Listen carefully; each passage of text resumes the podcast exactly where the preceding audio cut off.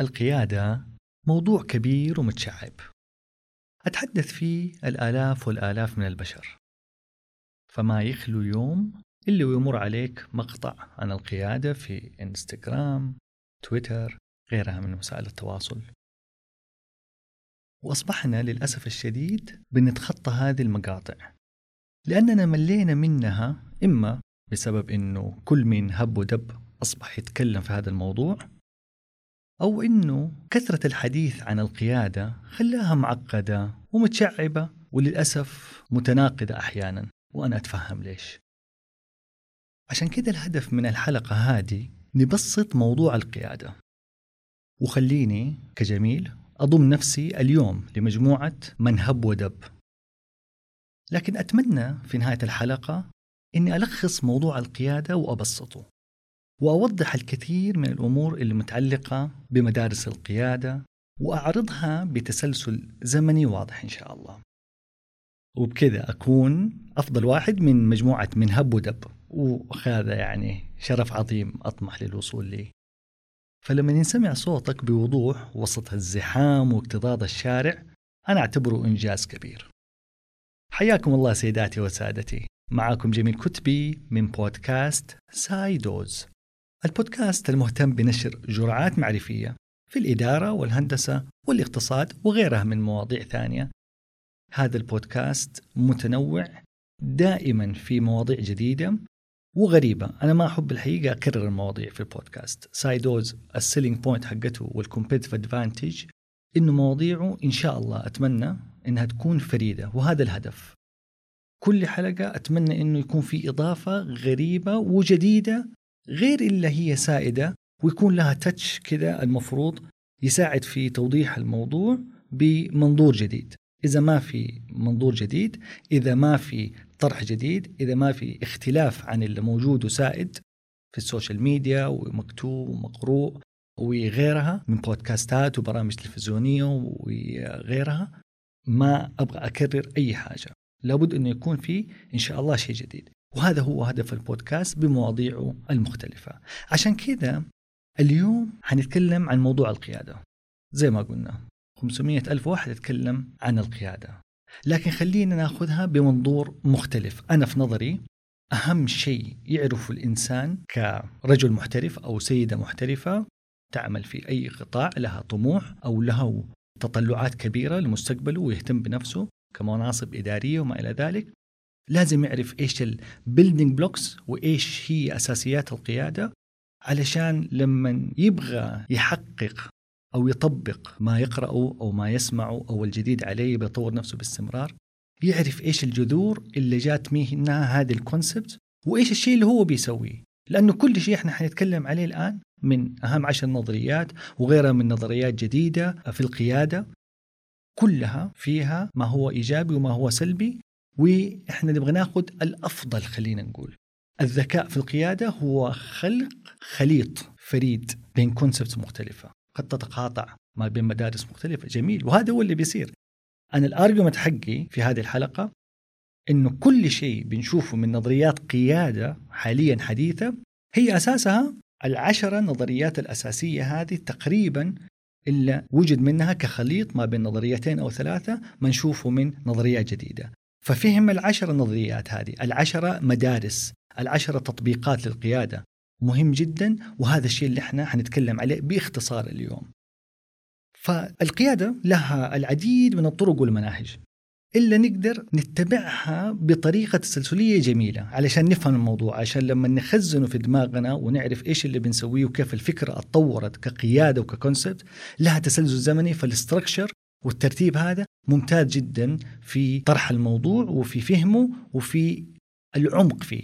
ما نبغى السطحية هذه حلقة عميقة. أتمنى أنها تكون بحول الله مرجع لكل من يهتم في هذا الموضوع وتفيد الجميع بحول الله. وأنا أولكم. أنا ما زلت بتعلم وما زلت بتطور وكل ما بتقرأ في القيادة كل ما بيزيد حبك ليها وبتتعلم فيها أشياء جديدة وتطبيقات ومنافع جديدة. فهدفنا أنه نعطيها ستراكشر فكل النظريات هذه اللي حنتكلم عليها العشرة تختلف فبعضها بيركز على صفات الشخص المسؤول أو أنه على الطريقة اللي يتصرف فيها أو بتركز على الموقف اللي يلاقي نفسه فيه. كمان بعضها بيركز على العلاقة ما بين القائد والأتباع وغيرها الحقيقة من طرق راح تبان معانا في الحلقة. لكن كل هذه المنظورات أدت لظهور عشرة نظريات ومدارس أساسية في القيادة. وفهم هذه العشر نظريات زي ما قلنا يعتبر مهم جدا جدا جدا بالإدارة والقيادة تحديدا. راح أبدأ الحلقة بترتيب العشر نظريات بشكل آه، سريع وبعدها راح نشرحها بالتفصيل بحول الله. هذا بالتسلسل الزمني الآن خلوا بالكم. أول نظرية تتسمى نظرية الرجل العظيم The Great Man Theory. باختصار إنه القائد يولد وما ينصنع. بعد كده جات النظرية الثانية اللي هي نظرية السمات Trait Theory. هي مشتقة من نظرية الرجل العظيم وبتفترض إنه القادة يتميزوا بسمات أو خصائص تميزهم زي مثلا النزاهة والموثوقية وغيرها من أشياء حنتكلم عليها. بعد كده جات نظرية التحليل النفسي. ال psychoanalytic theory وهذه فكرة العالم فرويد إنه جميع الفئات الاجتماعية هي صورة تمثيلية للعيلة. رابع نظرية القيادة الكاريزمية charismatic leadership هي القيادة اللي ينجذب الأتباع فقط للشخص على أساس شخصيته. ركزوا هنا الجذب والمحبة والاتباع لهذا الشخص أساسه شخصية هذا الرجل أو هذه السيدة. خامس نظرية اللي هي النظرية السلوكية ال behavioral theory القيادة الفعالة تنتج من سلوكيات معينة. سادس نظرية اللي هي النظرية الموقفية situational leadership أو situational theory. وهي أنه الطريقة اللي يتم فيها تطبيق القيادة تعتمد على الموقف. عشان كده سمت الموقفية. سابع نظرية نظرية الطوارئ contingency theory. وهذه امتداد لنظرية الموقف. اللي تأخذ في الاعتبار بالإضافة إلى طبعا الموقف المتغيرات مثل نوع المهمة اللي تتطلب القيادة ومقدار القوة اللي يمتلكها القائد. فهنا في أشياء إضافية. ثامن نظرية اللي هي القيادة التبادلية مقابل القيادة التحويلية. Transactional Leadership versus Transformational Leadership. تتناقض مع أسلوب القيادة التقليدي إلى حد ما مع أسلوب أكثر رؤية وإلهام. تاسع نظرية اللي هي نظرية القيادة الموزعة. Distributed Leadership أو تتسمى Emergent Dispersed Leadership كلها لنفس الموضوع. هنا تتجنب التسلسل الهرمي الصارم وعندك يكون نموذج أكثر مرونة وأيضا يقسم الأدوار القيادية بشكل طبيعي بدل ما هو تخصصي ورسمي. آخر نظرية العاشرة اللي هي نظرية القيادة الخادمة Servant Leadership واللي يتم فيها تطبيق القيادة لمصلحة المجموعة فقط. وغالبا ما يكون على حساب القائد نفسه. وعشان تتجنب عسر الهضم المعرفي بسبب ازدحام طاولة البوفيه بمختلف أطباق القيادة لازم نوضح طريقة التفكير وراء اختيارنا ونفصل أكثر في كل مدرسة وكيف قرر كل شيف تحضير طبقه. وكمدخل للنقاش لازم نعرف أنه بعض مدارس القيادة عبارة عن هجين بين نظريتين زي ما ذكرنا سابقا زي مثلا نظرية الرجل العظيم مع نظرية السمات أو أنه الدمج بين النظرية الموقفية ونظرية الطوارئ في نظرية واحدة وحيبان هذا الشيء مع التفاصيل اللي حنتكلم فيها لاحقا كيف إنها هجين بعض النظريات. بالإضافة لذلك ترى في هناك تشابه ظاهري بين بعض نظريات القيادة. فمثلا تشوف إنه القيادة التحويلية والكاريزماتيه وجهين لعملة واحدة.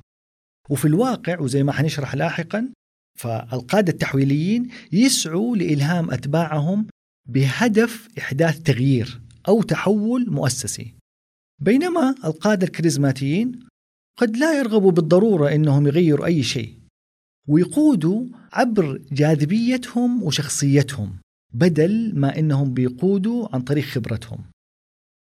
ومع ذلك فالكاريزما تراها سمة شائعة للقادة الفاعلين في مختلف الثقافات زي مثلا جي إف كينيدي أو نيلسون مانديلا أو ريتشارد برانسون وغيرهم وعلى الرغم من سهولة رصدها ورؤيتها إلا أنه يظل من الصعب تعريفها. إيش الكاريزما؟ تظل كلمة اختلف عليها العشرات والمئات من الناس. تشوفها قدامك لكن ما أنت عارف كيف تعرفها. فمدرسة الكاريزما فيها بعض التداخل مع نظرية السمات لأنه بعض الباحثين يعتبروا أنه الكاريزما خاصية فطرية. فكلمة كاريزما أصلا مشتقة من كلمة يونانية كاريز واللي تعني النعمة. وهذا يشير إلى أنها سمة تمنح من الله.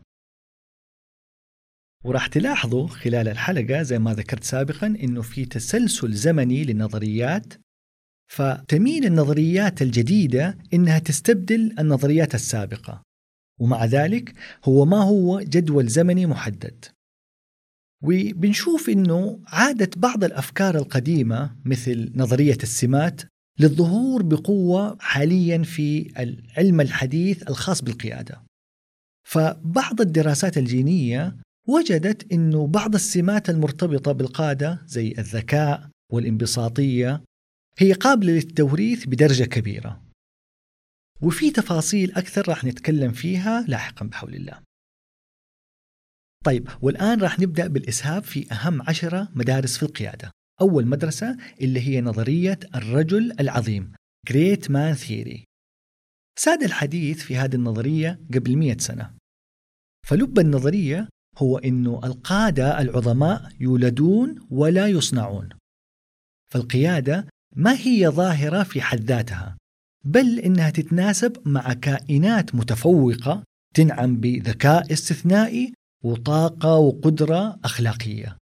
أو إنه نقول الفضيلة على حد تعبير أرسطو. فوفقا لأتباع هذه المدرسة فإن القلة المختارة تكتسح المسرح العالمي علشان تنسق بعض الأعمال الاستراتيجية المغيرة للعصر وبالتالي تغير مسار التاريخ زي وينستون تشرشل أو ألكسندر الأكبر وغيرهم من شخصيات. تدين هذه النظرية بالكثير لتوماس كارليل. توماس هو مؤرخ ومفكر أسكتلندي عاش في القرن التسعة عشر. فتوماس ألقى سلسلة من المحاضرات حول البطولة في عام 1840 ونشرت لاحقا بعنوان حول الأبطال وعبادة الأبطال والبطولة في التاريخ.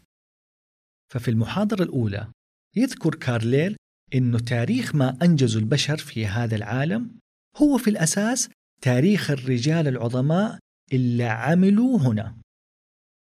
ما كان كارليل أول من دعا إلى التركيز على السيرة الذاتية علشان نفهم القيادة. فقد سبقه كان بلوتارخ وهو مثقف يوناني عاش في القرن الثاني. وكان يكتب سير غزيرة الإنتاج لشخصيات كلاسيكية بارزة معظمها من الأباطرة وسعى أيضا أنه يفهم جوهر العظمة فأشهر أعمال بولتارخ هي حيوات موازية Parallel Lives وهي سلسلة مقارنات السير الذاتية لعظماء اليونان والرومان. اللي حاول فيها يتبع خيط أخلاقي مشترك بين كل شخصيتين درسها.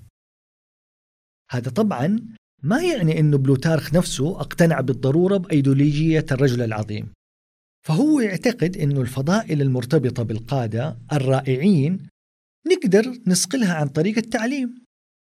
وكان يؤمن أنه التعليم الليبرالي أكثر أهمية لتشكيل الشخصية من الثروة أو النسب الشريف. فنظرية الرجل العظيم في القيادة تنص على أنه فردا واحدا مميزا يمكن أنه يظهر في وقت الأزمات ويقود الأمة إلى النصر أو أنه ينقذ شركة من الانهيار والإفلاس. لكن يكمن الخلل في نظرية الرجل العظيم أنه بعض الرجال العظماء كانوا عاديين تماما في معظم حياتهم. فمثلا وينستون تشرشل كان بطل قومي خلال الحرب العالمية الثانية لكن ما كان متميز جدا سياسيا في السنوات اللي تسبقها. فيظهر البعض العظمة فقط في ظل ظروف معينة بمعنى أن الأحداث تصنع الإنسان. بدلا من العكس. وهذه الفكرة تكمن في قلب النظرية الموقفية اللي راح نتكلم عليها لاحقا اللي هي situational leadership. وفي الخمسينات والأربعينات الميلادية أظهرت بعض الدراسات أنه العظمة قد تعادل في الواقع مجموعة من سمات الشخصية زي النزاهة والذكاء والثقة بالنفس. فأي شخص يملك هذا العدد المطلوب من السمات المناسبة يقدر يصير قائد. ومش مجرد قلة من الناس محددة مسبقا. وهذا العيب في نظرية الرجل العظيم هو اللي أدى لظهور نظرية السمات.